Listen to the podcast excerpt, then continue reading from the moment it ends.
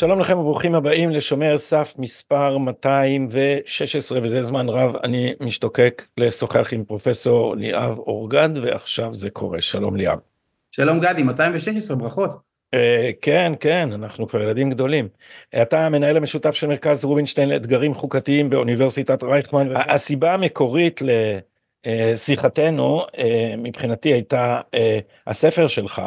Uh, The Cultural Defense of Nations שאני נותן אותו uh, עד עצם היום הזה לא יודע אם מאז צאתו אבל לא רחוק אחר כך לסטודנטים uh, לקרוא ו, והספר הזה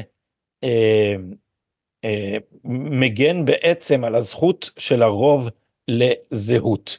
אה, אני נותן אותו במסגרת ביקורת על תפיסת העולם המכונה הפרוגרסיבית ששם מקדשים את המיעוטים ואת זכויותיהם של המיעוטים עד כדי כך שמיעוטים שמגיעים לחברת רוב דורשים מהרוב לש, לשנות לנטרל את זהותו כדי לתת להם אה, מקום אז אתה אה, אה, ביקרת את המוטציה של הליברליזם שהולכת עד שם. בוא תסביר. כן, יש לזה סיפור מעניין, אני הייתי דוקטורנט אי שם לפני המון שנים, ואני זוכר שלחו אותי לאקדמיה לזכויות אדם בהולנד. וזה היה כחודש אה, לימודים על זכויות אדם, ואחד הנושאים היה זכויות מיעוטים, הגיע הנציב האירופי, יש באירופה נציב לזכויות מיעוטים, ודיבר על זכויות מיעוטים. ואני זוכר שאני הצבעתי ושאלתי מה קורה כאשר הרוב הופך למיעוט והמיעוט הוא לא מאותו סוג של הרוב, כלומר זה לא מיעוט ליברלי דמוקרטי שכשהרוב יהיה מיעוט אז uh, הוא יקבל זכויות מיעוטים. זאת אומרת אין כזאת אפשרות, אם הרוב הופך למיעוט הוא צריך, uh, הוא יקבל זכויות מיעוט. אמרתי כן אבל בשלב הזה יכול מאוד להיות שלא יהיו לו זכויות בכלל. כלומר לא, הדמוקרטיה, הזכות או הפריבילגיה המרכזית ביותר של הרוב זה המשטר הדמוקרטי, כי זה משטר שמבוסס על מספרים והרוב קובע, ואין זכויות uh, לרוב. אני חשבתי לכן שהייתה... כאילו ההנחה היא הרוב יגן על עצמו כי יש לו עדיפות מספרית, על, ה, על המיעוט צריך להגן על הרוב לא. ב, ב, ב, כן ולא, אבל בגדול זה תיאור אה, לא, לא רחוק מהמציאות, הדמוקרטיה בעצם מניחה שמכיוון שזו שיטה, השיטה היחידה אגב, השיטת המשטר היחידה שמבוססת על מספרים, על שלטון המספרים, אז הרוב קובע, וברוב, אה, הרוב יכול לנצל את, ה, את העדיפות המספרית שלו כדי לקדם את האינטרסים הפוליטיים שלו, את התרבות שלו, את הזהות שלו וכדומה. ולכן הוא לא זקוק, ל, הוא לא נזקק לזכויות, הוא לא איזושהי קבוצה נחלשת. כאשר המיעוטים הם הקבוצה הנחלשת והדמוקרטיה מגינה על מיעוטים. והאופן שבו הרוב יכול להגן על עצמו זה באמצעות הדמוקרטיה ואם הוא הפך למיעוט באמצעות אה, לא יודע יש שינויים דמוגרפיים ואחרים אז הוא צריך לקוות שהוא יקבל זכויות מיעוטים. אני חשבתי שזה בעיה, כתבתי ספר מנקודת מבט ליברלית שמצדיק, הספר מצדיק למה גם לרוב מגיע זכויות וזה היה לפני 2015 פורסם הספר, אז זה היה לפני ברקסיט, לפני העלייה של טראמפ, לפני עליית הימין באירופה ולפני הודו ולפני רוב מה שקורה היום במערב. אני חושב שהיום ברור לגמרי שבלי לדבר על זכויות הרוב אה, אנחנו מידרדרים במדרון חלקלק מאוד לכיוונים מאוד אה, מאוד לא דמוקרטיים ואין מה לעשות צריך לדבר על השאלה מתי ולמה מגיע גם לרוב זכויות.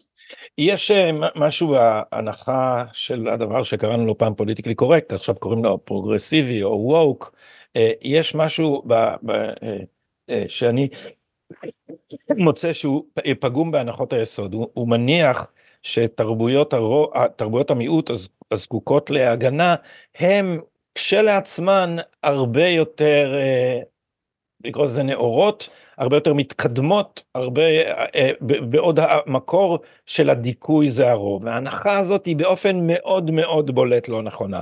בואו ניקח את המקרה של ישראל, שגורם לחלק מהחסידים של התפיסה הזאת כאן הרבה כאבי בטן.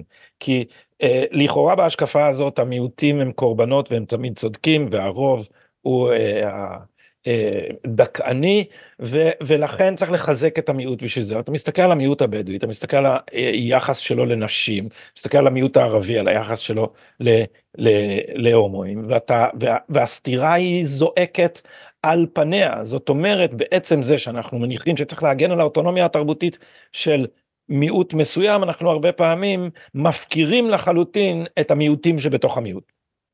נכון, אז זו, זו בעיה מסוג אחר, ההנחה הדמוקרטית היא שיש, הרוב הוא כאילו ה-bad guys, יש את העריצות של הרוב, והמשטר הדמוקרטי מבוסס על שני אדנים, על שלטון הרוב זה שלטון המספרים, הרוב קובע, ועל הגנה על קבוצות המיעוט. המיעוט זה הקבוצה החלשה, המוחלשת, זה הג'ינג'ים באופן מסורתי כמו שאנחנו אומרים המשפטנים, וצריך להגן עליהם מפני הרוב העריץ. וכל השיטה נבנתה על איזונים ובלמים שמגבילים את הרוב, שלא יפגע במיעוט. כן, לכן יש לנו פדרליזם וביקורת שיפוטית ומגילת זכויות אה, וזכויות מיעוטים וכדומה. עכשיו יש פה כמה הנחות שהן פשוט לא נכונות, הן לא נכונות במובן האמפירי, לא רק במובן הקונספטואלי תיאורטי, קודם כל שהרוב תמיד מנצל את כוחו לרעה כנגד המיעוט, זו הנחה שהיא שנויה במחלוקת. שנית שהרוב יהיו אף פעם לא קבוצה... רק בסוגריים כי זה מתקשר בדיוק להערה שאמרתי, מי שהגן על זכויות המיעוט במגזר הערבי זה הרוב היהודי. למשל. אה, זה, נכון, הרוב הוא לא רק מקור הדיכוי. ההערה שלך היא רלוונטית במיוחד מכיוון שההנחה היא שהרוב שהמיעוט, קבוצת המיעוט, היא זו שתדאג לבני קבוצת המיעוט. ומה שאתה אמרת זה שגם המיעוט, יש בו רוב ומיעוט, ויש רבדים שונים, ושם לא מטפלים. נותנים למיעוט, בשם הזכויות המיעוטים, להגן על, קבוצ... להגן על הזכויות שלהם, מבלי לאפשר, במקרים מסוימים, זה לא תמיד ככה, למיעוט שבקבוצת המיעוט הגנה על הזכויות שלו.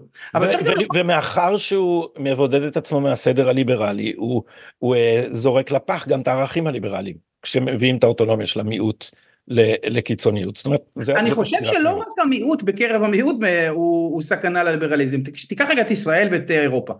בישראל יש קבוצה, קבוצה של החרדים. הקבוצה של החרדים כמיעוט, לא המיעוט בתוך החרדים. המיעוט החרדי הוא לא מיעוט דמוקרטי ליברל. אתה מסכים איתי, נכון? עכשיו באירופה, להבדיל אלפי הבדלות, אני לא משווה, משווה, יש מיעוט מוסלמי. המיעוט המוסלמי גם הוא לא מיעוט דמוקרטי ליברלי. אז השאלה, שהיא שאלה, אתגר מרכזי לכל דמוקרטיה, מה הדרישות הלגיטימיות שיכול הרוב לדרוש מהמיעוט? בשם התרבות של הרוב. אני חושב שבישראל השאלה הזאת מתעוררת בהקשרים שכולנו מכירים. תחבורה ציבורית בשבת, נישואים אזרחיים, ההדתה במרחב הציבורי. באירופה הסוגיות הן... כל הדוגמאות שלך מהחרדים אצל החרדים אה, המצב פחות אקוטי מאשר אצל הבדואים למשל אתה תסכים איתי? המצב אצל הבדואים הרבה יותר חמור בגלל המילת נשים ודברים נוספים שאתה הזכרת. אה, בהחלט, כן, זה לא, זה לא, זה לא סותר אחד את השני, זה משלים. אני חושב שהתמונה שאתה מצייר היא שיש קבוצות מיעוט שלא מקבלות את הנחת היסוד של הדמוקרטיה הליברלית או של הדמוקרטיה באופן כללי, והשאלה מה אפשר לעשות, מה הרוב יכול לומר ולדרוש מנקודת מבט ליברלית ולהגיד לא אני צריך להתאים את עצמי למיעוט, אלא המיעוט צריך להתאים את, עצמי, את עצמו לרוב, להתאים את עצמו לרוב. וזו השאלה שהספר מטפל בה. אני לא אגב נגעתי בישראל, אני בעיקר מטפל באסלאם באירופה ובמה שקורה בארצות הברית, ששם המיעוט מגיע עם דרישות לרוב, שרוצים אה, שהרוב יתאים את עצמו למיעוט, כן, שיבטלו סמלים לאומיים, שישנו אה, המנונים, שישנו אה, את המרחב הציבורי, וזה גורם להמון בעיות שאנחנו יודעים להם. היום, הבעיה המרכזית ב... אני לא רוצה להגיד במערב, אבל לפחות באירופה, היא הבעיה של המתח בין רוב למיעוט ובין רוב לקהילות מהגרים. אני אציע לך נוסחה מופשטת לניסוח הבעיה. ליברליזם חצה איזה קו כשהוא עבר משוויון בין בני אדם לשוויון בין ערכים. כאילו הטענה הייתה שוויון אבסטרקטי בין בני אדם הוא לא מספיק באמת כדי ליצור שוויון אמיתי כיוון שהוא אה, כופה על כולם את הערכים של הרוב ובעצם פוגע בזכותו של המיעוט לזהות משלו. בואו נעשה אם כן דמוקרטיה של ערכים ואכן זה המצע הרלטיביסטי הפילוסופי שמתחת לתפיסה הרב תרבותית ונגיד הכל ה... אין, אין, אין אה, לשום מערכת ערכים זכות לקבוע ש... אה, היא הקנה, הקנה המידה האוניברסלי, כל המערכות התרבותיות צריכות להכיר בלגיטימיות השווה של מערכות הערכים האחרות, ואז אתה מכיר בלגיטימיות השווה של מערכת ערכים שבה אישה היא רכוש. טוב, אז זה, זה כמובן תפיסה שגויה לגמרי שאני מבקר אותה. הרעיון הרב תרבותי אומר שהתרבויות שוות. מבחינה היסטורית זה מבוסס על הלקח של מלחמת העולם השנייה שאומר שאחד הלקחים היה שבני האדם נולדו שווים, ב, אין, אין גזע עליון וגזע נחות ולא צריך לעשות היררכיה לפי גזעים ומוצא אתני. מכאן לא נובעת המסקנה שגם התרבויות שוות, כיוון שיש תרבויות שלא מקבלות את ההנחה שכל התרבויות שוות, כן? זה גם כן בעייתי. בעצם כל הרעיון הרב תרבותי מבוסס על ההנחה ש... התרבויות גם מקבלות את התפיסה שכל התרבויות שוות, אנחנו יודעים שזה לא נכון. הדבר האחר צריך לומר זה שיש תרבויות אה, שהן לא רק לא ליברליות, הן אנטי ליברליות, הן רוצות לכפות את עולם הערכים שלהן על הקבוצה הדמוקרטית ליברלית, וזה מה שקורה נניח עם האסלאם באירופה. שמגיעה קבוצה, שבכלל קבוצת מהגרים שהגיעה בשנות ה-60, ולאחר מכן הביאה את בני המשפחה שלהם בשנות ה-80 וה-90 באירופה, והיום מגיעות uh, הקבוצות הללו עם דרישות לקבוצת הרוב לשנות את אורח החיים. וזה מבוסס, בצדק אמרת, על הרעיון שהתרבויות שוות, אתה קראת לזה ערכים, אני הייתי אומר תרבויות, זה פחות עניין של ערכים, אני לא חושב שהליברליזם, שהדמוקרטיה עושה שוויון בהכרח בין ערכים, אלא יותר בין תרבויות, וזה בהחלט בעייתי. אה, אבל תרבויות אה, מבוססות על מערכות ערכים, ולכן אני חושב ש, ש, אה, שיש טעם להקרין את האלמנט הערכי של התרבויות על, על, על מצע שווה, כיוון ששם הסתירה מתבהרת בצורה, בצורה אולי אה, הכי בהירה, אבל אולי אני אנסח את השאלה באופן אה, אחר, ואני אשאל אותך, האם זה לא אומר שהמערב פשוט איבד את ביטחונו העצמי בערכיו שלו, בעוד שהאסלאם הג'יהאדיסטי פשוט לא איבד את אה, ביטחונו העצמי בערכיו שלו? טוב, אז יש פה הרבה דברים במה ששאלת, אני אגיד שלושה דברים. אחד, אני חושב שהמערב נמצא היום במשבר זהות. אנחנו רואים את משבר הזהות אה, בחתך די רוחבי של מדינות, שמחפשות משמעות, שמחפשות זהות. בבריטניה הוקמה ועדה ממשלתית לחקור מה זה בריטישנס, מה, מה משמעות הבריטיות. אה, ויושבים אנשים חכמים בוועדה, שוב, ועדה ממשלתית, ומנסים לדון מה, מה המשמעות של להיות בריטי. ובסוף מגיעים למסקנה, לפחות בגרסה הראשונה... מי הוא יהודי בגרסת בריטניה? כן, במובן הלאומי של המילה, כן? זאת כן, אומרת, לא כן, במובן הדתי. הרי, הרי זה המקום שבו מתלבטים בו. בישראל, רק לאנלוגיה, הייתה שאלה דומה לגבי ישראליות, האם יש ישראליות משותפת? היו גם מספר עתירות לבג"ץ, כולל עתירה לפני כמה שנים שנדחתה, האם התגבשה ישראליות משותפת? אבל מדינות מחפשות זהות, הדמוקרטיה המערבית נמצאת במשבר זהות, בצרפת כשסרקוזי היה נשיא הוא בכלל עושה כמו, אתה יודע, כמו ריאליטי שואו בטלוויזיוני, הוא שואל את הציבור מה המשמעות של להיות צרפתי, אותו דבר היה בגרמניה, בהולנד, מדינות מחפשות זהות ומשמעות, זה אחד. שתיים, למהגרים כמובן, כמו שאמרת, יש זהות הרבה יותר מובחנת, ועל הרקע הזה המתח הוא כמובן גבוה יותר, מכיוון שהזהות שלהם והתרבות שלהם היא מובחנת, היא יותר מוצקה, היא פחות אמ, פחות מתביישת ומסתירה את הרכיבים שלה, ויש לה גם פחות סיבות היסטוריות לעשות את זה, ולכן המתח הוא מאוד גבוה. והדבר השלישי... רגע, למה יש להם פחות סיבות היסטוריות לעשות את זה? כי המערב שבוי בכל מיני תפיסות, צודקות, לא צודקות, של פוסט קולוניאליזם, של אה, אמ, אשם היסטורי וכדומה, שמצמצמות את מרחב האפשרויות ברמה הפוליטית, מוסרית, משפטית, של איזה תרבות אתה יכול אה, להציג. תחשוב רגע על הנושאים של דת, יש מדינות אה, באירופה... אבל אולי זה דווקא יתרונו של המערב, יתרונו של המערב היה בביקורת עצמית, ובאיזשהו שלב הוא התבלבל בין ביקורת עצמית להלקאה עצמית,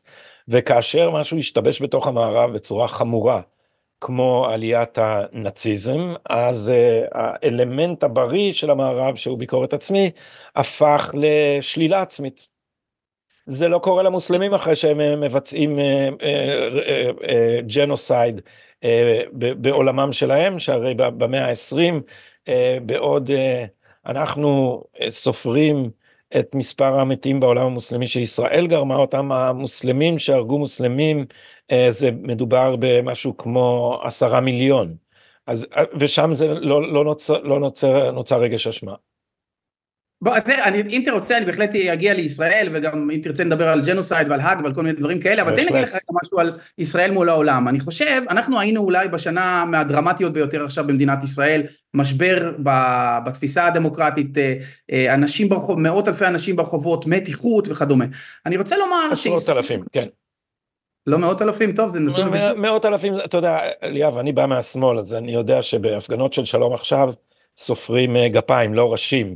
אה, אבל לא נתווכח על דברים שהם לא-, לא... בהפגנות, בהפגנות האחרונות סופרים אצבעות, אז uh, היו כמה ספירות של AI, אגדה על מאות אלפים מופרזת, כן.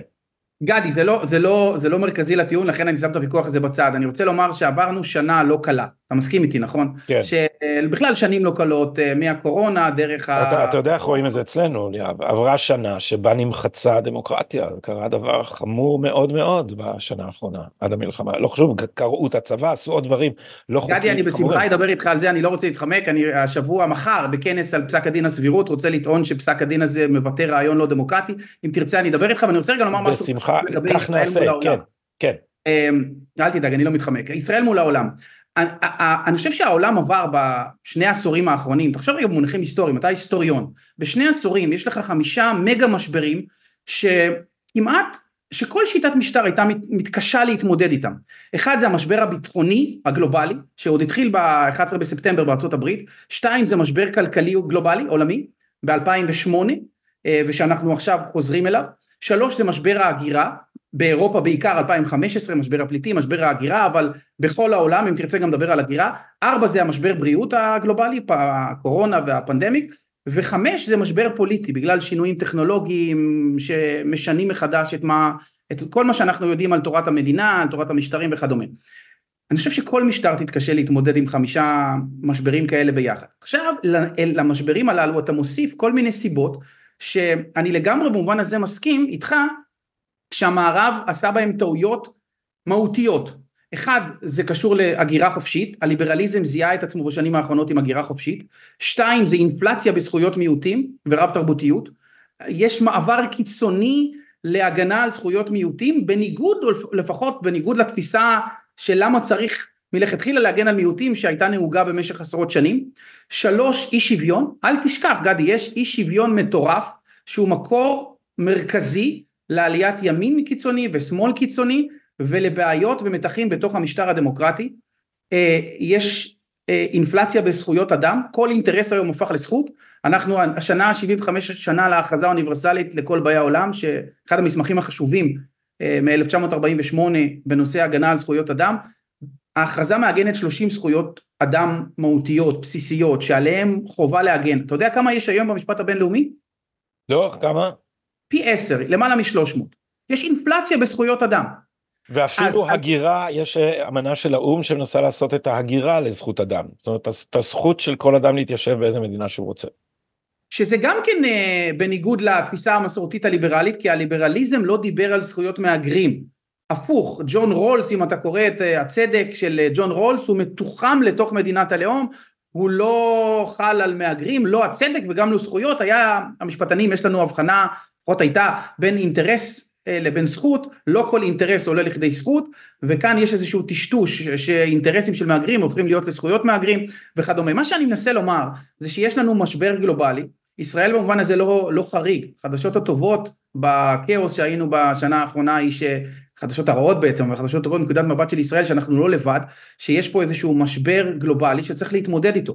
ולהתמודד איתו מתחיל בראש ובראשונה ב, ב, בחיפוש איפה טעינו. אנחנו הדמוקרטים, הליברלים, איפה טעינו? אני לימדתי בשנה שעברה קורס ברייכמן שנקרא דמוקרטיה על ספסל הנאשמים עם אורן נהרי. והרעיון היה, שמנו את הדמוקרטיה למשפט, ניסחנו סעיפי אישום, חוסר בשוויון וכדומה, והרעיון היה שהדמוקרטיה צריכה להתגונן על הבטחות שלא מומשו. הדמוקרטיה למשל הבטיחה שוויון, ובחלק מהמשטרים היום יש אי שוויון הגדול, הגבוה בהיסטוריה האנושית. מבחינה היסטורית אני מדבר, שוויון בין בני אדם ובין קבוצות. אז כל ההבטחות האלה שלא מומשו והשינויים שה, שה, שהפרוגרסיביים אה, הלכו אליהם בשני העשורים האחרונים גורמים לבעיות ורק במשפט האחרון בזה אני מסיים הגענו למצב שבסקר האחרון אה, של מכון המחקר פיו שזה מכון מחקר שעורך אה, כל מיני מחקרי שטח וסקרי דעת קהל בנושאים שונים למעלה מ-20 מדינות במדינות ה-OECD, למעלה מ-20 מדינות, 60 אחוז ומעלה לא מאמינים בסיפור הדמוקרטי, לא חושבים שהדמוקרטיה במדינה שלהם מתפקדת בצורה טובה. ביוון ובספרד זה למעלה מ-80 אחוז. אז אנחנו במגה משבר, אה, גדי, זה, ה... זה מה שרציתי להגיד על ישראל. אה, אז, אז בואו ניכנס אה, רגע לישראל, מכיוון שהמשבר הישראלי, אני האחרון שצריך לשכנע אותו שזה ייחודי, אני ניסיתי להראות שבכל אה, רחבי המערב יש אה, מאבק בין מה שקראתי לו ליברליזם אנטי דמוקרטי וגלובליסטי לבין לאומיות אה, דמוקרטית. ואת המאבק הזה מנסה אליטה שיש לה הרבה מאוד כסף, שיש לה יתרון בהשכלה, שמבוצרת היטב בתוך הבירוקרטיות ובעיקר בבתי המשפט, היא מנסה לכפות את הערכים שלה ואת סדר היום שלה באמצעים לא דמוקרטיים. וחלק ממשבר הדמוקרטיה נוצר מזה שהאליטה הזאת אה, תוקפת את הדמוקרטיה, היא תוקפת אותה באמצעים מוסדיים על ידי אה, משפטיזציה של הדמוקרטיה, על ידי חיזוק בתי המשפט על חשבון המוסדות הנבחרים, והיא תוקפת אותה גם בשיח הציבורי, כאשר העיתונות שנמצאת בעיקר בידיה, פיתחה את מה שפרופסור יוסי שיין קרא לו, נדמה לי, אה, שיח השחיתות, זה אולי לא היה שיח, היה שפת השחיתות נדמה לי, הוא קרא לזה שהפוליטיקאים הם עלובים והם אינטרסנטים והם שרויים בתוך המיץ של הפשרות המכוערות, בעוד המשפט הוא רם ונישא ועל כן צריך לתת לשופטים להחליט, ואצלנו זה הגיע למצב שהוא קיצוני יותר מבכל הדמוקרטיות, האם אני מגזים בתיאור הזה? במעורבות השיפוטית? כן. אה, כי דיברת על כמה דברים, גם אליטות אחרות. כן, לא, כן, לא, אבל, אבל מאחר, אתה, אתה משפטן והנושא עלה והבטחנו לחזור אליו, הנה הנושא, כן, ולא, ולא רק לאור החלטת הסבירות. כבר שנים רבות מאוד שמתפתח אה, שיח משפטי אנטי דמוקרטי שחוסה תחת אה, מונחים אה, מטעים באיזה מין אה, דו חושב כזה בנוסח אורווליאני שקורא להתקפתו על הדמוקרטיה דמוקרטית. כן, טוב, אז אני מסכים ולא מסכים, אני חושב שצריך להפריד בין ה... העיקרון ואתה יודע לדבר על זה במנותק ממה שהיה פה בשנה האחרונה לבין מה שהיה פה בשנה האחרונה. אני חושב שאם מדברים, אם עושים זום אאוט ומסתכלים על בתי המשפט בעולם, בתי המשפט בישראל הם למיטב, למיטב ידיעתי מהאקטיביסטים ביותר, אני חושב שהיו סיבות טובות שלא מעט אנשים באקדמיה היו שותפים להם למה כן צריך רפורמות. הרפורמות אגב זה לא המצאה של שר המשפטים יריב לוין, רפורמות בגלגולים שונים התחילו עוד בתקופה שיוסי ביילין היה שר המשפטים וזה התגלגל כמעט כל שר המשפטים לאחר מכן למעט אני חושב טומי לפיד רצה רפורמה כולל ציפי לבני, אמ, דני פרידמן ואחרים. והמערכת המשפטית בישראל צברה בהחלט עוצמה ביחס למדינות אחרות עוצמה רבה מאוד, שצריך לדון, צריך לדון בה. אה, אם תרצה אני אדבר איתך למה אני חושב שהדרך ששר המשפטים לוין עשה את זה היא לא הדרך לדון בה ולמה אני חושב שהוא בסוף פגע במטרה הזאת של רפורמה, אבל בתי המשפט בישראל, קח את נושא הסבירות, כן? בוא נמחיש את זה. האופן שבו פורש, פורשה עילת הסבירות בישראל הוא מן הנרחבות ביותר בעולם. אני לא מכיר הרבה בתי משפט שהכילו בעולם את עילת הסבירות כפי שהכילו את זה בישראל. זה בוא, בוא, בוא נגיד רק באיזה אופן, מה שקרה בעצם בישראל, אתה תקן אותי, אתה, אנחנו, אנחנו נבדלים מאוד במזג הכילו את זה על נכון? מינויים, עשו אני, סבירות. אני, אני נוטה לניסוחים אה, יותר אה, תקיפים, אז אתה, אתה תמתן אותי, אנחנו מכירים את הבדלי המזג בינינו פה בהקשר הזה, אז אני אגיד בצורה בוטה מה שקרה. מה שקרה עם הסבירות מאז פסק דין דפי זהב ב-1985, זה שדבר אה, סביר לגמרי, common sensically לגמרי, שבו הם יעשו החלטות מטורפות, אז בתי משפט יוכלו לעצור את זה, יתגלגל בישראל למצב שבו השופטים מחליפים את שיקול הדעת של מי שהוסמך להחליט בשיקול דעתם בכל עניין שהוא. דבר, דבר מטורף. אני לא יודע לגבי המטורף, אבל uh, אני לא, לא, לא חושב שזה מטורף, אבל אני כן חושב שעילת הסבירות פורשה בישראל בשני העשורים, שלושה העשורים האחרונים בצורה שהיא רחבה, זה הוחל על מינויים, זה הוחל, הרעיון היה שבמדינות אחרות הסבירות הייתה יותר מצומצמת גם מבחינה נושאית וגם באופן שבו היא יושמה, בישראל יש מה שנקרא שוב זה כזה מונח משפטי סבירות איזונית שבית המשפט בודק את שיקול הדעת של הרשות, של השר, של הממונה ובוחן אם הוא ערך איזונים נכונים, אם הוא נתן משקל נכון לשיקולים השונים. אז למשל תיקח את פסק הדין היה בעניין מיגון אה, היישובים של עוטף עזה, ששם בית המשפט התערב בהחלטה בגלל שהיא לא סבירה וקבע שצריך למגן בהרבה יותר כסף, זה היה מעורבות של כמה מאות מיליונים. אז הטענה של הממשלה הייתה שיש גם מגבלות תקציביות ושהם שקלו את שיקולי הביטחון ואת, המגב... ואת המגבלות התקציביות וזה מה שאפשר לתת. בית המשפט קבע שזה לא סביר כיוון שהשיקול שהיה צריך לתת לעניין התקציבי הוא נמוך יותר כשמדובר בביטחון. והוא ביטל את זה במקרה הזה אפשר להסכים אפשר לא להסכים. הרעיון היה שבית המשפט בעצם נכנס בנעליים של השר הממונה ועורך איזשהו איזון מחדש. אה, ובמקרים שהם לא סבירים באופן קיצוני זה רק מקרים קיצוניים הוא פוסל צריך גם לומר לזכותו של בית משפט אה, העליון בישראל שמספר המקרים שהוא פסל והתערב הוא לא גבוה, אבל אתה צודק שהרטוריקה המשפטית והמרחב האפשרויות שעומדות בפני בית המשפט בישראל הוא עצום לאין שיעור. רגע, רגע, עוד כוכבית, אתה תוכל להתנגד או, או, או לדלג על התנגדותי, אני רק רוצה לשים את זה פה. הטענה שבית המשפט מתערב פעמים מעטות היא בעיניי מטעה, מפני שבית המשפט יוצר מצב שבו הרשויות מראש אה, אה, אה, מגבילות את עצמן כיוון שהיועצים המשפטיים יושבים שם ואומרים לשרים שזה או, או זה בגיץ או לא בגיץ. זאת אומרת ההנחה של בית המשפט בקלאסי עכשיו יש לנו הרי דוגמה מאוד חדה לפנינו באופן שבו נשחקו הוראות הפתיחה בירי ליד הגדר בעזה יש חסידי בית המשפט אומרים לנו אבל כשעלה נושא אה, הפתיחה באש בגבול עזה אז העתירות של ארגוני זכויות האדם נדחו אבל הם נדחו רק אחרי שהמדינה שינתה את הוראות הפתיחה באש ככה שהיא אה, אה, לפי הבנתה חשבה שזה יעבור את הרף ההולך ומונמך שבית המשפט קובע. אז להגיד שבית המשפט לא מתערב הרבה פעמים זה מטעה.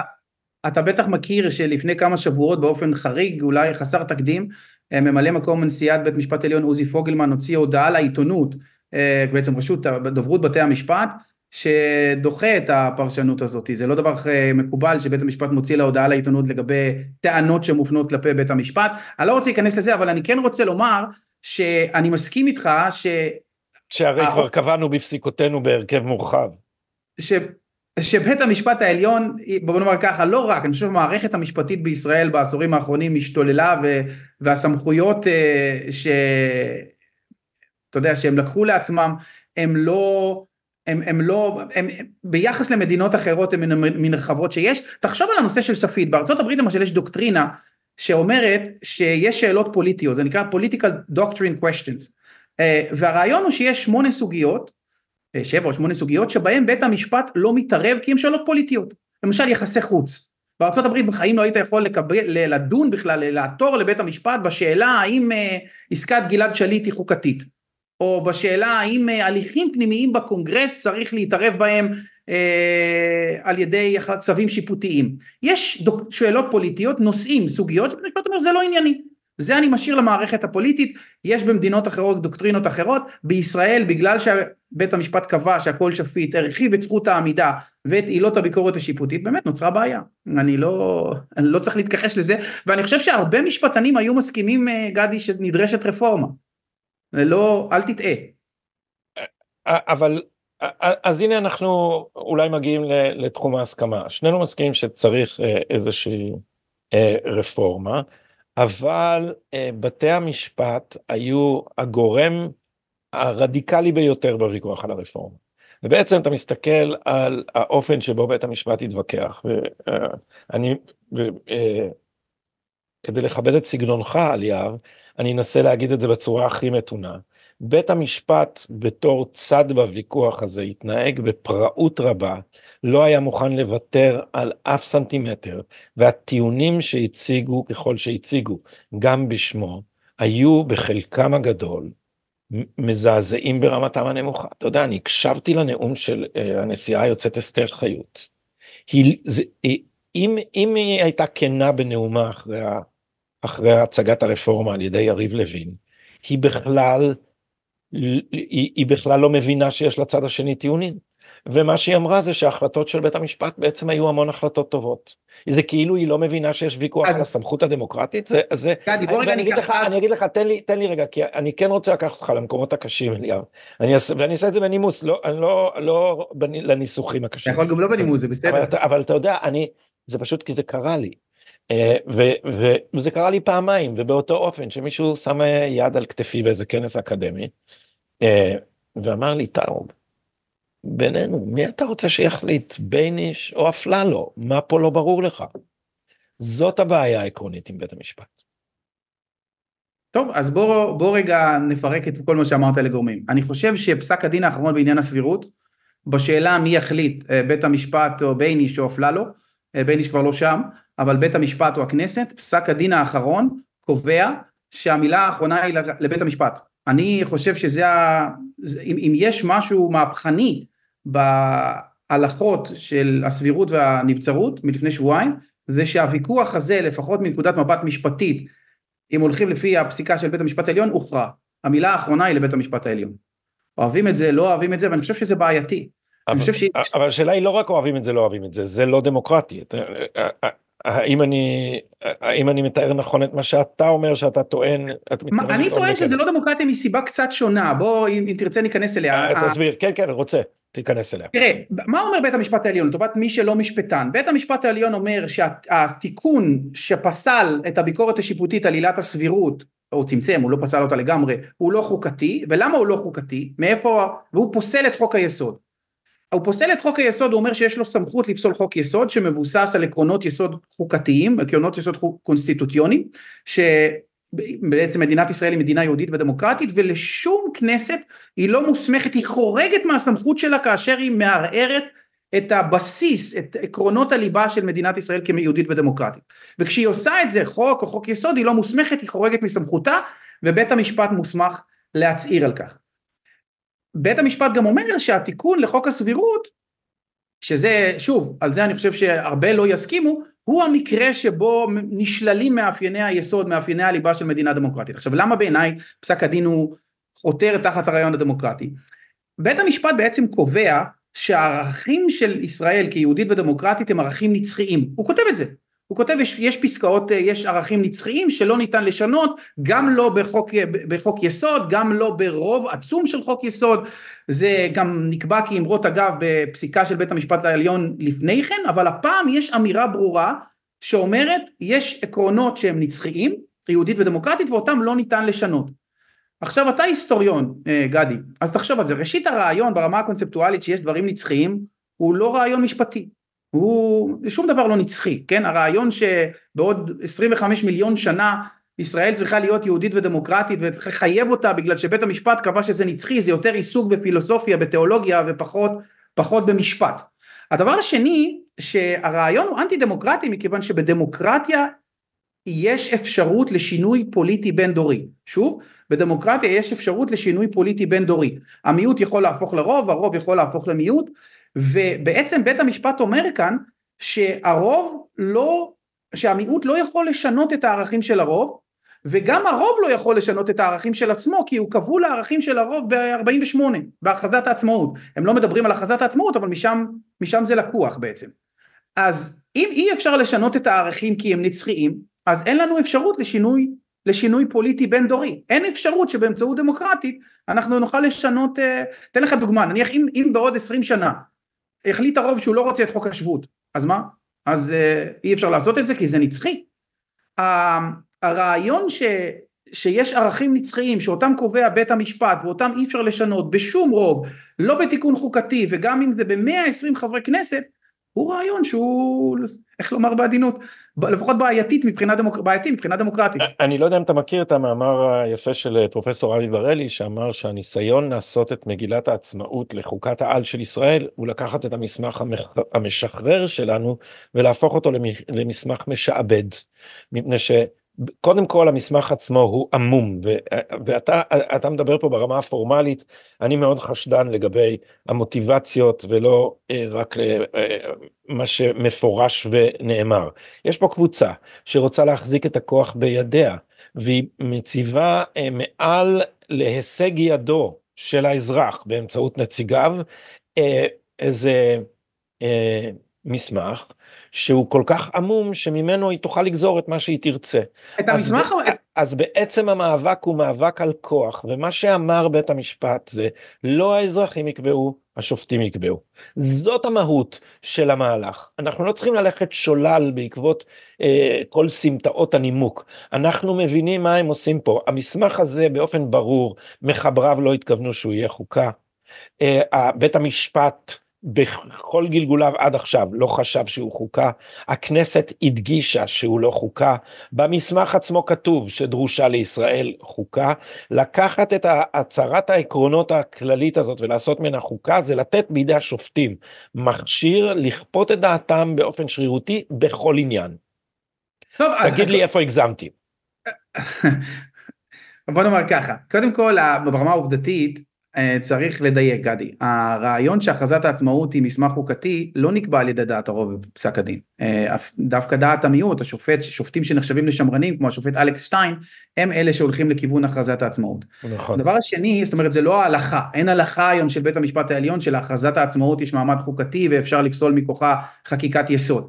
זה דעה של שופטים, מספר מצומצם של שופטים, שכמו בדוגמה של שטיין נחשבים שמרנים. שתיים, בית המשפט לא אמר אה, באופן שבו אתה מציג את הדברים שהוא קובע אה, מה, אתה יודע, מהם הערכים שאליהם כפופה הכנסת.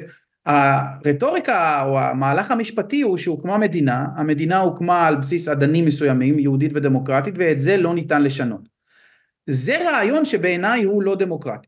ואני חושב שהתפיסה שבית המשפט יכול להנציח עקרונות שלא ניתנים לשינוי חוקתי, אם באופן מעשי ואם באופן, זו תפיסה שעלולה לפגוע בראש ובראשונה באמון הציבור בבית המשפט, וזו תפיסה שלא מאפשרת שינוי ולכן היא, היא, היא, לא, היא לא דמוקרטית. והדבר השלישי שאמרת, זה שהמשפט זה, אתה יודע, זה, זה, זה פוקר פוליטי, זה משחק על, על כוח פוליטי, נכון?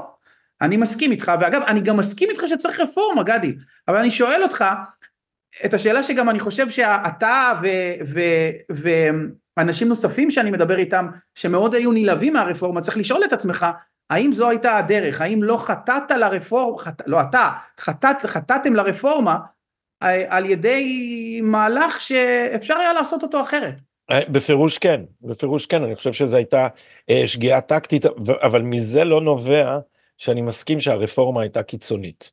ויש פה שני טיעונים, אחד זה לא ככה היה צריך לעשות את זה, ואני מסכים כי עוררנו עלינו את כל הכוחות האנטי דמוקרטיים. לא רק עוררתם, בוא לא נעשה הנחות גדי, אני חושב ששר המשפטים, עכשיו אני, אני הבוטה, כן? בבקשה. שר המשפטים הפך את היועצת המשפטית לממשלה מדמות, אה, אה, מדמות אה, לא מאוד מרכזית בשיח לגיבורת ישראל, הוא החזיר למרכז הבמה ובגדול את רעיון החוקה, הוא חיסל כמעט כל ביקורת לגיטימית שהייתה על בית משפט אה, ובעצם הפך מבקרים כמוני כמו אחרים אה, לתומכים, לתומכים בעצם למתנגדים לרפורמה, לתומכים בבית המשפט, אה, הוא הוביל למצב שבית המשפט ביטל לראשונה חוק יסוד ואני אגיד לך יותר מזה, הוא הוביל למצב שהיום אי אפשר גם לשנות את ה... את הדינמיקה הזאת, כי בעצם פסק הדין הזה קובע שזכות המילה האחרונה היא לבית משפט, והוא לא יוכל היום לעשות, גם כנסת אחרת, איזושהי תרגיל כמו שעשו בסלובקיה, שבסלובקיה מה שקרה זה שבית המשפט פסל חוק יסוד, המחוקק, בעצם רשות המכוננת בסלובקיה תיקנה את החוקה ואמרה לבית משפט אין סמכות לפסול חוק יסוד ובזה נגמר הסיפור. כאן אם יהיה מקרה כזה זה לא יעמוד. מכיוון שאם הכנסת תחוקק חוק יסוד שקובע ברוב עצום שלבית משפט אין סמכות לפסול חוק יסוד זה ייפסל כי הרציונל של פסק הדין זה שיש עקרונות יסוד שלא ניתן לפגוע בהם זאת אומרת ששר המשפטים הוביל אותנו למצב שהיום פוליטית משפטית כמעט בלתי אפשרי לעשות כן, רפורמה. כן אבל אבל, אבל, אבל מה שאני אומר, מה שאני אומר לי כן. מה שאני אומר לי אב הוא שזו הייתה שגיאה טקטית כי הרפורמה עצמה הייתה מתונה ולא לקחנו בחשבון עד כמה הצד השני מוכן להרוס לחלוטין את השיטה הדמוקרטית את ההסכמה הציבורית אפילו את הצבא בדרכו לשמר את ההגמוניה שלו ועכשיו אני מדבר איתך מכיוון שזה אתה אני מאוד מאוד משתדל למתן את הניסוחים שלי ביחס למה שאני חושב אבל הרעיון שזה סוף המשחק הוא גם לא נראה לי מכיוון שזה משחק כוח האנשים האלה כל הזמן אומרים לי איזה איזה ברק, הוא כזה גאון משפטי, תראה איך הוא, ופוליטי, תראה איך הוא סינדל את כולם, ברק בנה פירמידה הפוכה שלא יכולה לעמוד. בשלב מסוים נדמה לאנשים האלה שבהבל פה או בהבל עת או מקלדת, הם יכולים לאסור, לשים באפסר את כל הכוחות הפוליטיים של החברה, וזה דבר היסטורית, אני אומר לך כהיסטוריון, זה דבר מגוחך, כשבונים מבנה פורמלי שלא מייצג את הכוחות האמיתיים בחברה, המבנה הזה בסוף בסוף כך או אחרת יתפרק וחלילה בדם ואש. אני מקווה שלא, אני מקווה שפשוט באיזשהו שלב יהיו פוליטיקאים שיש להם, תסלח לי, וובוס, ויבואו ויגידו, לא, הפסיקה שלכם לא חוקית ואנחנו לא מקבלים אותה, ואתה יודע, כש... כש אה, אה, אתה באמת מקווה לזה, גדי? אני מקווה לבית דין לחוקה. בית דין חוקתי. אני באמת מקווה לזה, מפני, ש, מפני שהדבר, הייתה פה הפיכה אנטי דמוקרטית ליאב, זה לא מצחיק, הדבר הזה, אנחנו מדברים פה כאילו מדובר בסעיפים. זאת אומרת, בתרחיש שלך, המקרה שבו בית המשפט ממנה נניח אדם שייפסל בגלל שהמינוי לא סביר ובית, והממשלה תגיד לבית המשפט, אה, כמו שפעם אמר הנשיא ג'קסון, בית המשפט קבע את, אמר את דברו, עכשיו שילך יאכוף את זה ולא, ולא מצייתים לבית משפט, זה תרחיש רצוי? אה, אני חושב שזה יהיה התרחיש הפחות חמור להחזרת הדמוקרטיה לישראל. התרחיש היותר חמור יהיה פה מלחמת אזרחים. מה האנשים האלה חושבים שהם עושים. תראה, אתה, אנחנו מתווכחים פה כאילו מדובר באיזה, ב, ב, ב, בעניין אה, טכני, מדובר פה ב disenfranchisement, מדובר פה באליטה דורסנית שלקחה מהציבור הישראלי את זכותו להכריע בעניינים מהותיים לגבי גורלו. הציבור, אם הוא מקבל את זה, הוא עדר כבשים, לא עדר אזרחים, או לא ציבור אזרחים, אני לא רוצה לקרוא לאזרחים. אבל גדי, תראה שוב, תראה מה קרה, המהלך התחיל בכך שבציבור שבציבור היה רוב לרפורמה, שבציבור היה רוב אה, ביקורתי כלפי בית משפט עליון, ושבציבור היה, או אפילו באקדמיה, היו לא מעט קולות שתמכו ברפורמה. סיימנו את השנה הזאתי בכך שרפורמה היא כמעט היום בלתי אפשרית, כן, שהמתנגדים כן. לבית המשפט והמבקרים הפכו לתומכים ובשסקרי דעת הקהל המגמה התהפכה ושעילת הסבירות נושא שולי לגמרי הפך להיות ליבת הדמוקרטיה לפי פסק הדין, ליבת הדמוקרטיה הישראלית. אז זה לא עבד. אז עכשיו השאלה אם, אם מנקודת מבטך טוב לחזור לאותה שיטה. לדעתי מכיוון שאני מגלה בשיחה הזאת שאני מסכים איתך עם הרבה דברים, זה פשוט לא נכון לעשות את זה ככה. אבל, אתה... אבל, אבל אתה אומר שזה סוף פסוק, ואני אומר לך זה לא יכול להיות סוף פסוק, הדבר הזה לא יכול להיות סוף פסוק. ו, ו, ו, אבל אני כן מסכים איתך שבתוך המשחק הנוכחי אין שום מהלך שאפשר לעשות כדי להחזיר את הריבונות לציבור. לכן צריך לקרות משהו אחר, והדבר האחר שיכול לקרות הוא, אני רואה שלוש אפשרויות. אחת, הפוליטיקאים יגידו, אתם, אה, אתם ביטלתם פה את הדמוקרטיה, ובזאת אתם חרגתם מסמכותכם, אל תבלבלו לנו את המוח על זה שהכנסת חרגה מסמכות, מסמכותה, לכנסת יש סמכות לקבוע את הכללים ולכם אין, פעם אמר את זה אהרן ברק, זה היה כנראה טקטי באיזשהו, אחד ממהלכיו בזמן אה, מינויה של דורית בייניש לנשיאה, או קודם כבר בפסק דין אה, בנק המזרחי, אז זה אופציה אחת, שנגיד אתם חרגתם מסמכותכם ואנחנו לא נשמעים לכם. זה אחד. שתיים, הקמת בית משפט לחוקה. אני חושב שזאת האפשרות uh, הכי טובה, פשוט להגיד אנחנו, יפה, יש עקרונות חוקתיים, אנחנו ממנים עכשיו שופטים שייצגו את דעת הציבור, ולא נמשיך במצב שבו שופטים שמייצגים מפלגה שלא עוברת את אחוז החסימה, שולטים בבית משפט ששולט על הציבור, והאפשרות האיומה היא שיחזירו את הקרע בצבא. אבל אתה, אתה, אומר, אתה, אתה שם את האחריות על יריב לוין, האחריות היא לא על יריב לוין, יריב לוין עשה טעות טקטית, אני מסכים עם זה. מהותית, אני לא שם את האחריות על יריב לוין, רגע, לא, לא. מהותית, דבר, יריב לוין עשה דבר נכון, ואם הדמוקרטיה הישראלית הייתה מתפקדת, אז היו דנים בזה בהחלטות רוב ומיעוט, ומגיעים בסופו של דבר לאיזושהי החלטה. מדובר פה בזה שגילינו שיש אליטה מאוד מאוד קטנה, שהצליחה באמצעות כמה דברים שהחמור ביניהם בעיניי זה הסרבנות, השני בחומרתו זה בגידת האינטלקטואלים, אני מיד אגיד על זה משהו, הצליחה להסית ציבור גדול על ידי דמגוגיה לחשוב שהדמוקרטיה בסכנה. זה הדבר החמור. מי שעשה פה פאוול חמור ביותר זה האליטות האלה, ובתוכן נמצאים אינטלקטואלים שתסלח לי על הבוטות, פשוט הונו את הציבור לגבי מה שקורה. פשוט אה, יצרו פה היסטריה על קץ הדמוקרטיה, בשעה שהרפורמה נועדה להשיב את הדמוקרטיה, לא לחסל אותה. וכשאני שומע את שקמה ברסלר אומרת, אנחנו, עכשיו אנחנו יודעים בוודאות שניסו לייסד פה אה, דיקטטורה משיחית, תשמע, אני, אני בא משם, אני, אתה יודע, יריב לוין הסביר את הרפורמה שלו בפודקאסט הזה, שבו אנחנו מדברים פה שעה ועשר דקות. בתוך עמי אני חי, אני מכיר את הימין מבפנים. אנחנו יודעים ששיקרו לנו, אנחנו יודעים ששיקרו לציבור, אנחנו יודעים שמעולם לא התכוונו לשום, אה, לשום אה, דיקטטורה משיחית, והנה יושבים פרופסורים למשפטים ומסבירים שאנחנו בדרך לדיקטטורה מש, משיחית כדי טוב. להפחיד את הציבור. אה, גדי, אני לא, אני לא שותף לעמדה שישראל בדרך להיות הונגריה, והאנלוגיה להונגריה היא ודאי לא אה, אנלוגיה אל תלך לנתיב הזה, הונגריה היא לא... הונגריה הרבה יותר דמוקרטית מישראל, אבל בוא לא ניכנס להונגריה. כן. אני כן אבל רוצה לשאול אותך, כיוון ש... ש... אנחנו צריכים לחיות כאן כמדינה, עברנו שנה מטורפת ולא פשוטה, המשפט הוא שפה, המשפט הוא כמו שאמרת הוא כוח פוליטי, הוא איזושהי שפה להסדרת יחסים חברתיים. מה אתה מציע? אני לא הצלחתי להבין. אם, אם ההצעה היא זה משבר חוקתי, אז זו הצעה רעה מאוד. ההצעה השנייה שלך הייתה אה, בית משפט חוקתי. אני חושב שבבית משפט חוקתי צריך להיות, אם זו האופציה, חלק מחוקה.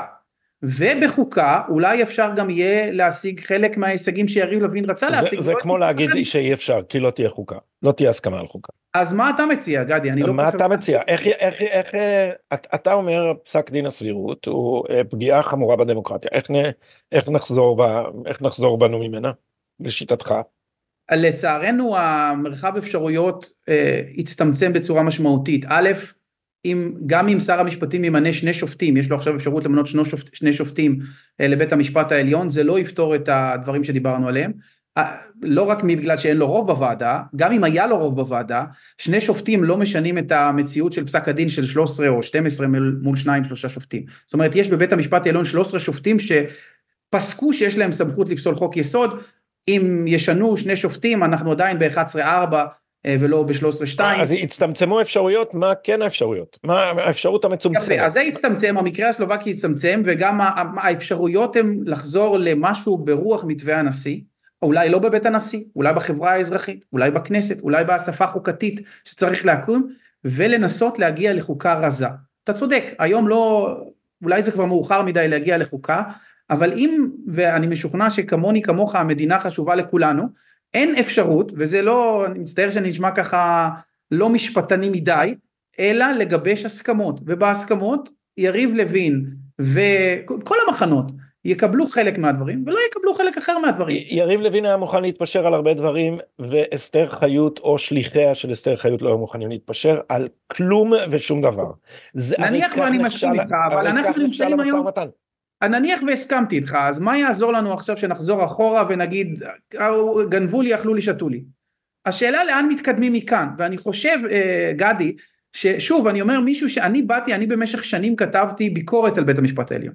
אה, אני הייתי מקבוצה שאני חושב שאתה מכיר את רובה, אה, רותי גביזון, פרופסור רות גביזון, פרופסור שלמה אבינרי, פרופסור אמנון רובינשטיין, אלכס יעקובסון ואחרים שכתבו ביקורת על בית משפט עליון. איך, מה, קרה, מה קרה לקבוצה הזאת?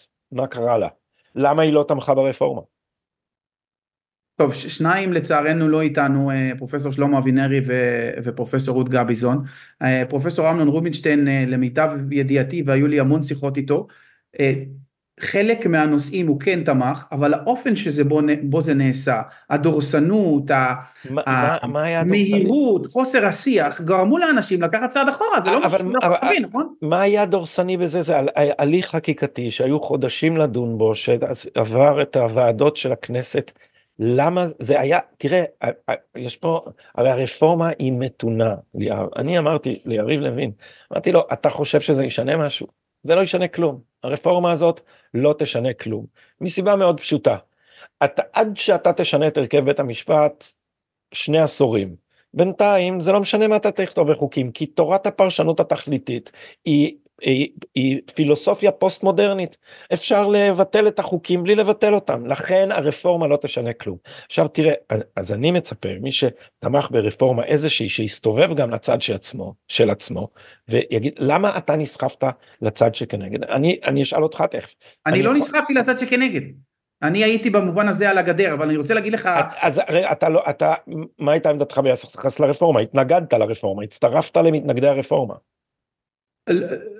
כן ולא, שוב, אתה צריך להבין שברפורמה היא לא, הרפורמה שפורסמה על ידי יריב לוין בינואר, ב-4 בינואר 2023, לפני שנה, הייתה שלב אחד מארבעה שלבים לשיטתו, ששלושה שלבים עוד לא, עוד לא, אנחנו לא יודעים מה היו מה הם, עד היום מה הם. אני מתאר לעצמי שזה קשור להגירה ולדברים אחרים, אבל הוא בעצם ברביעי בינואר הכריז על השלב הראשון מתוך ארבעה שלבים. האופן שבו זה נעשה זה דרך, זה דבר מאוד חשוב, היה דורסני, היה מאוד אה, אה, אה, כוחני הייתי אומר, מבלי כן. לנסות להגיע לאיזה שהם פשרות עם הצד השני, איזה שהם, אפילו לשיח, אני יכול לומר לך שאני זימנתי, אני כמה פעמים ניסיתי להגיע לשיח במכון רובינשטיין ביחד עם, אה, עם הלשכה של שר המשפטים במכון קהלת, לא רצו שיח, בתחילת הדרך זה היה, אתה יודע, לשלטון בחרתנו ואנחנו נעשה מה שאנחנו רוצים, זה אחד, מעבר לדרך יש גם מהות, לי לא נוח, אני חושב שזה רעיון, וגם זה רעיון לא דמוקרטי, שהממשלה יכולה לשלוט, גם ראש הממשלה שולט בממשלה, הוא שולט בכנסת, ועכשיו הוא מבקש לשלוט גם בבתי המשפט. הוא שולט בממשלה כי יש לו רוב קואליציוני, יש לו משמעת סיעתית שבישראל היא מהמחמירות בעולם, ולכן הוא יכול לשלוט בממשלה, מכיוון שהממשלה היא ברוב בכנסת הוא שולט בכנסת, מכיוון שהכנסת היא גם רשות מחוקקת וגם רשות מכוננת אז הוא בעצם שולט גם ברשות המחוקקת וגם ברשות המכוננת, ועכשיו הוא גם רוצה למנות שופטים לבית המשפט שייתנו לו רוב, זה לא מפחיד אותך? לא, זה לא מפחיד אותי בכלל, מפני שזה תיאור מאוד מאוד מטעה של המצב. אנחנו דמוקרטיה פרלמנטרית שכפו עליה מבנה חוקתי על ידי אהרן ברק. להגיד שראש הממשלה שולט בקואליציה בישראל, זה דבר, הרי, הרי הבעיה בישראל, אתה יודע, זה אנשים שאמרו את הדבר הזה, המכון הישראלי לדמוקרטיה.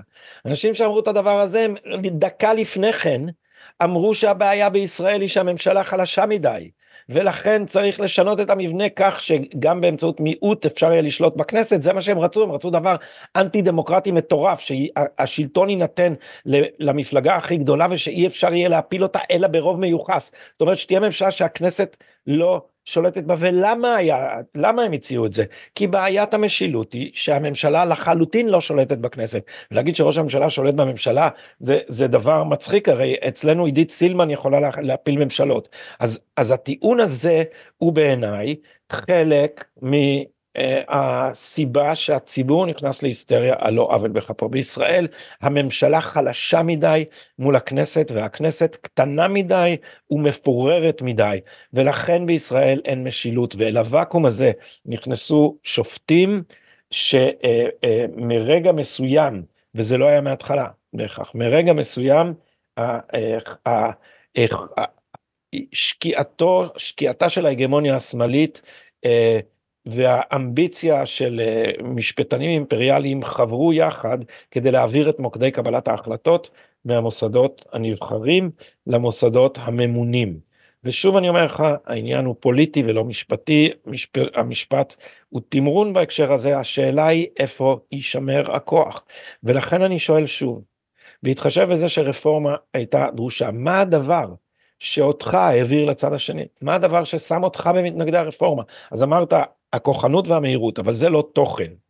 מה בתוכן של הרפורמה התחיל פתאום לקומם אותך? יש לי השערה לגבי האחרים, אני לא יודע, רותי גביזון, אה, חברתי, רותי לא איתנו, אני, כן, היא, היא לא, לא איתנו, למרבה הצער, היא הייתה מאוד עוזרת במצב, ה, במצב שבו היינו, אני נוטה לחשוב שהייתה אבל גדי, גם אנשים שקולגות שלך, אבל, אבל, אה, כן. אלכס יעקובסון, אתה הזכרת את בן דרור ימיני, אולי צריך גם לשאול למה אנשים כאלה... יש לי תשובה בשבילך, אני, אני אשאל אותך.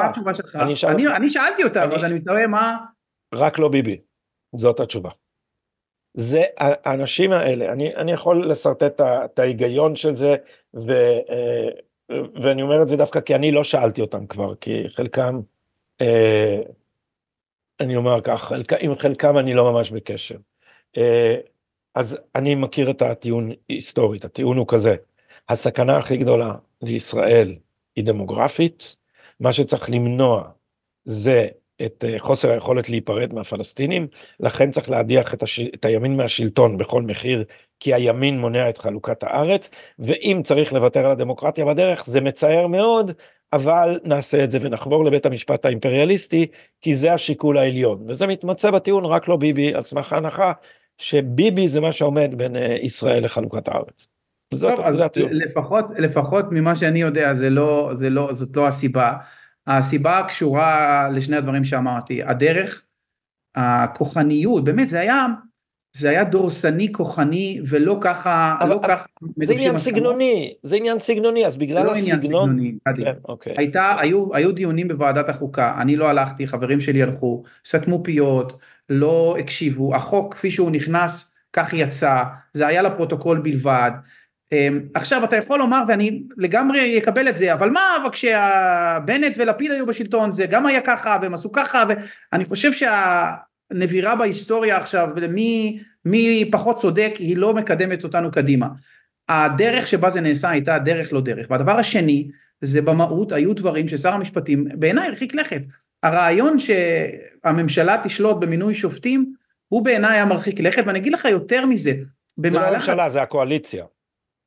הקואליציה, בסדר, אני מסכים, כן, ולא, הקואל... לא, כן, לא, במציאות הישראלית, הממשלה והקואליציה זה לא מונחים מאוד שונים במציאות הישראלית, אבל אני רוצה להגיד לך יותר מזה, במהלך הדרך, אבל זה ככה ברוב הדמוקרטיות, דברים שאני שיניתי את ו... דעתי בגלל טעויות של יריב לוין, אני הייתי נגד הסניוריטי, גדי, אני חשבתי שרעיון הסניוריטי הוא רעיון מוזר, בשום מקום הוא לא קיים בעולם, שום חברה לא ממנה מנכ"ל לפי ותק, שום אוניברסיטה לא ממנה נשיא לפי ותק, ולמה רק בבית המ... כאשר השופט אה, אלרון הציג את המועמדות שלו, זה הבהיל אותי. פתאום הבנתי שאולי זה לא רע, שפתאום לובי, ואיך אני אמור להסתכל עכשיו על הפסיקות שלו ולקרוא אותם כאשר אני יודע שהוא... אז מה שאני אומר, שר המשפטים בעיניי עשה פיגוע עצום לרעיונות שאנשים במשך שנים ניסו לקדם, וזה מצער, והשאלה עכשיו לאן הולכים, ובעיניי הגישה, ואני מזמין אותך, אתה יודע, אנחנו במכון רובינשטיין עוסקים בזה, לראות איך מגבשים הסכמות, זו הדרך היחידה, אולי לא ברוח בית הנשיא, אולי אה, צריך לעשות משהו אחר, אבל בלי הסכמות זה פשוט לא יעבוד, ואז אנחנו כמו שאמרת בדרך למלחמת אזרחים. אה, אני מקווה שלא מלחמת אזרחים, כיוון שאי ציות לבית המשפט, נגיד, אה, אה, היה אפשר לרסן את בית המשפט. אתה רוצה שהרמטכ"ל יעמוד בפני הדילמה אם האם הוא צריך לציית לבית המשפט וליועצת המשפטית או לשר... אין שום דילמה. אין שום דילמה, רמטכ"ל שיש לו דילמה צריך לעוף הביתה מיד, אין שום דילמה. חוק יסוד הצבא אומר הרמטכ"ל כפוף לממשלה, איזה דילמה יש לי? מה זה הדיבור הזה על דילמה? נכון, ויש עוד חוק, חוק יסוד הממשלה, שמכפיף את הממשלה לחוק, והחוק, הפרשן שלו, אם אוהבים את זה או לא... לא, לא לא, לא, לא, לא, לא, לא, לא. הוא מכפיף, כן, אה, אה, יש חוק שמכפיף גם את בית המשפט לחוק, ובית המשפט לא מרגיש שהוא כפוף לחוק, יש לו עקרונות היסוד של השיטה.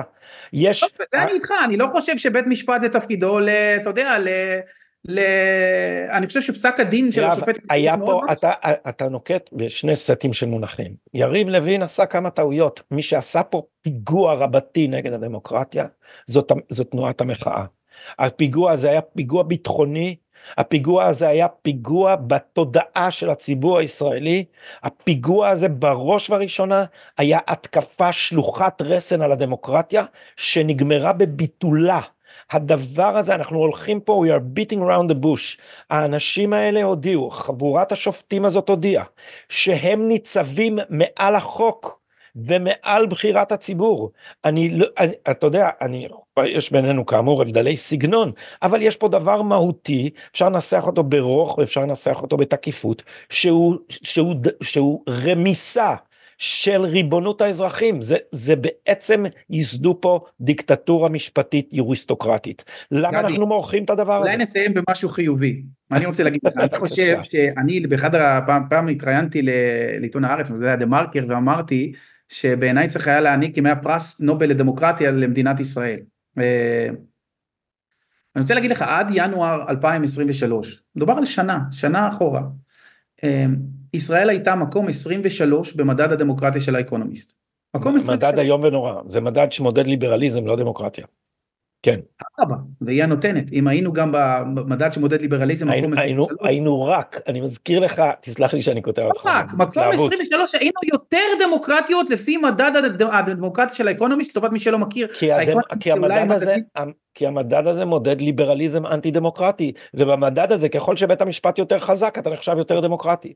זה דבר, זה, זה פשוט לא דמוקרטי. אני אשלח לך את המתודולוגיה של המדד, אבל הנקודה שלי הייתה, שישראל הייתה עד לפני שנה במקום, אגב גם היום, מקום 29 אנחנו, יותר דמוקרטית, לפי האקונומיסט, שזה לא מגזין ששייך למפלגת הליכוד ולמפלגת השלטון, מגזין... לא, הוא, הוא שייך לפרוגרסיבים. אדרבה, אז גם לפי הפרוגרסיבים, זה בדיוק הנקודה, היינו יותר דמוקרטים מרוב המערב, יותר דמוקרטים מרוב מדינות האיחוד האירופי. כי ביניהם, כי ביניהם יוריסטוקרטי זה דמוקרטי ככל שבית המשפט יותר חזק הם נותנים לנו ציונים יותר טובים. בית, לא, אני, אני לא רוצה להזכיר לך שלמה אבינרי מי טבע את המושג בגצוקרטיה שלמה אבינרי זה בגצוקרטיה הוא אמר ב2009 אם אני לא טועה. זאת אומרת זה כבר זמן רב אנחנו לא באמת דמוקרטיה. כבר זמן רב הדמוקרטיה שלנו הרכינה את ראשה בפני שופטים. עכשיו פשוט השופטים ערפו את ראשה, אז זה נורא בולט. אבל עד עכשיו היא הייתה דמוקרטיה עלובה וצולעת, בגלל ששופטים הכפיפו פוליטיקאים שנתנו להם. אני, אני בא בהרבה טענות לפוליטיקאים, ולכן יש לי המון סימפתיה ליריב לוין שבא לקבוע מסמרות, כי זה זמן רב שההתעללות של המשפטנים בדמוקרטיה, או היא, היא, היא, היא אה, אה, מבטלת את, את נשמתה, אתה יודע, כשיולי אדלשטיין היה צריך, היה צריך להגיד לבית המשפט לא, כשבית המשפט התערב בסדר יומה של הכנסת, דבר שלמיטב ידיעתי, אתה משפטן, אין לו אח ורע בשום דמוקרטיה. בשום דמוקרטיה שאני יודע, בית המשפט לא אמר לפרלמנט, לא, אתם תדונו בזה עכשיו ובזה אחר כך. זה היה לגבי מינוי יו"ר הפרלמנט, כי בית המשפט היה שותף לקומבינה פוליטית של, של, של השמאל. ויולי אדלשטיין התפטר. במקום להגיד זה דבר לא חוקי ולא חוקתי אתם חורגים מסמכותכם והתשובה היא שלילית למה זה כל כך מפחיד אותך. גדי קודם כל אני חושב שהצגת העובדות אני לא מסכים יהודה אלדשטיין לא, התפט, לפני שהוא התפטר הוא לא רצה לציית לפסיקת בית המשפט העליון. שנית בית המשפט כן מתערב בעולם אה, בהליכים פרלמנטריים. בסדר יום של פרלמנט יש דוגמה לזה? כן, אה, במדינות באירופה כן, בארצות הברית אתה צודק שזה לא, אבל זה לא אומר, זה לא אומר שבית המשפט אצלנו, אתה יודע, לא, לא יתערב בנושאים שעדיף היה שלא מתערב, למשל חוק האזרחות וכל מה שקשור לחוק האזרחות והכניסה של הפלסטינים זה נושא שבעיניי בית המשפט לא היה צריך להתערב, אבל מה שאני רוצה לומר לך שוב, אני מנסה רגע להסתכל על התמונה הכוללת ואולי שיהיה משהו חיובי מהשיחה. בסוף התחלנו עם משבר הדמוקרטיה בעולם ואמרנו שהדמוקרטיה בכל העולם נמצאת במשבר, נתנו את הנתונים, הסברנו למה. ישראל במובן הזה היא לא שונה ואנחנו חלק מאיזשהו שיח גלובלי של מאבקי כוח בין קבוצות. עכשיו השאלה היא לאן לוקחים את זה. הייתה שנה מטורפת. אמ, יש לנו בעיות שאין במקומות אחרים, ישראל היא מיקרוקוסמוס של רוב הבעיות שקיימות במדינות במערב, רוב המיעוט ודת ומדינה ודמוקרטיה ומלחמה, you name it. ואני חושב, ואני מקווה לפחות, שצריך להסכים שגישה שאתה יודע, מעצימה את העימות אחרי מה שהיינו עכשיו שנה שלמה, היא לא מובילה לאותן הסכמות. אמ, נכון, אבל אם אתה מציע משהו לעשות חוץ מכניעה. זאת אומרת, מה שקרה... אני מציע שזו ההצעה שצריכה להתכנס קבוצה ממגזרים שונים ולנסח חוקה רזה. רזה, לא משהו ש... ובמסגרת הזו להסדיר גם את היחסים. אתה יודע גדי, אם הייתי, תקרא היום אולי אחרי השיחה את מתווה הנשיא. זה נראה דמיוני, יריב לוין לא רצה לחתום על זה, במתווה הנשיא כתוב שלבית משפט למשל אין סמכות לפסול חוק יסוד. היום אתה יכול לא לחלום על זה. אף אחד לא חשב שהוא יעשה את זה, אבל מתווה הנשיא בסופו של דבר התקבל אה, נוסח שנוסח על ידי צד אחד. היה הרי מתווה נשיא שבאמת היה פשרה. היו היה... שני מתווים שונים. כן, כן, כן. אה, המתווה הראשון באמת היה פשרה. שהיום נראים לך, יראו לך דמיוניים. לבית כן. משפט אין סמכות לפסול חוק יסוד. צומצמה עילת הסבירות. כי הניצחון של צד אחד, כי הצד שהיה כוחני ודורסני זה הצד של בית המשפט. זאת האמת. הצד של בית המשפט ניצל את המשבר כדי להעצים את סמכותו במקום להבין שהמשבר נוצר מעודף סמכות שלו. ו, ולכן אני אומר, זה ניצחון פירוס ליאב.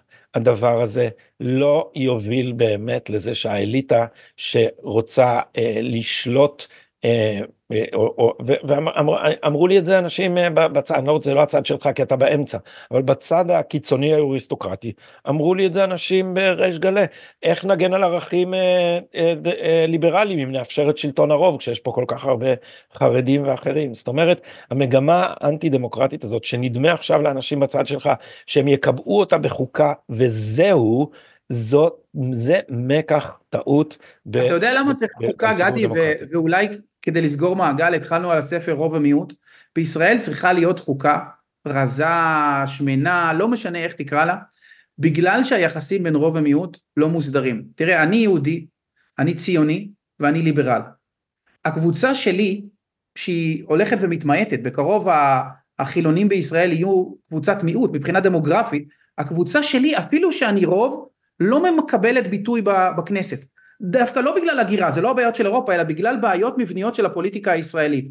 אין נישואים אזרחיים, אין תחבורה ציבורית בשבת, אני לא יכול לאכול מה שאני רוצה, יש מגבלות ויש... למה אתה לא יכול לאכול מה שאתה רוצה? כיוון לא שיש כל מיני מגבלות על, בפסח ועל על כשרות. רגע, רגע, איפה אסור לך לאכול מה שאתה רוצה? אתה, יש, בוא ניקח מאכל מאכל. בפסח אתה לא יכול לאכול לחם? אני צריך לנסוע, יש מקומות שלא מוכרים, אתה צריך לנסוע. אתה גר ביפו. טוב, יפו, עכשיו אני גר ביפו, אבל uh, כשאני הייתי ילד היינו צריכים לנסוע לרמלה, כן, כדי לקנות. הרעיון של הרוב מגיע זכויות הוא רעיון שתקף גם למדינת ישראל, והיחסים בין הרוב והמיעוט בישראל צריכים להיות מוסדרים.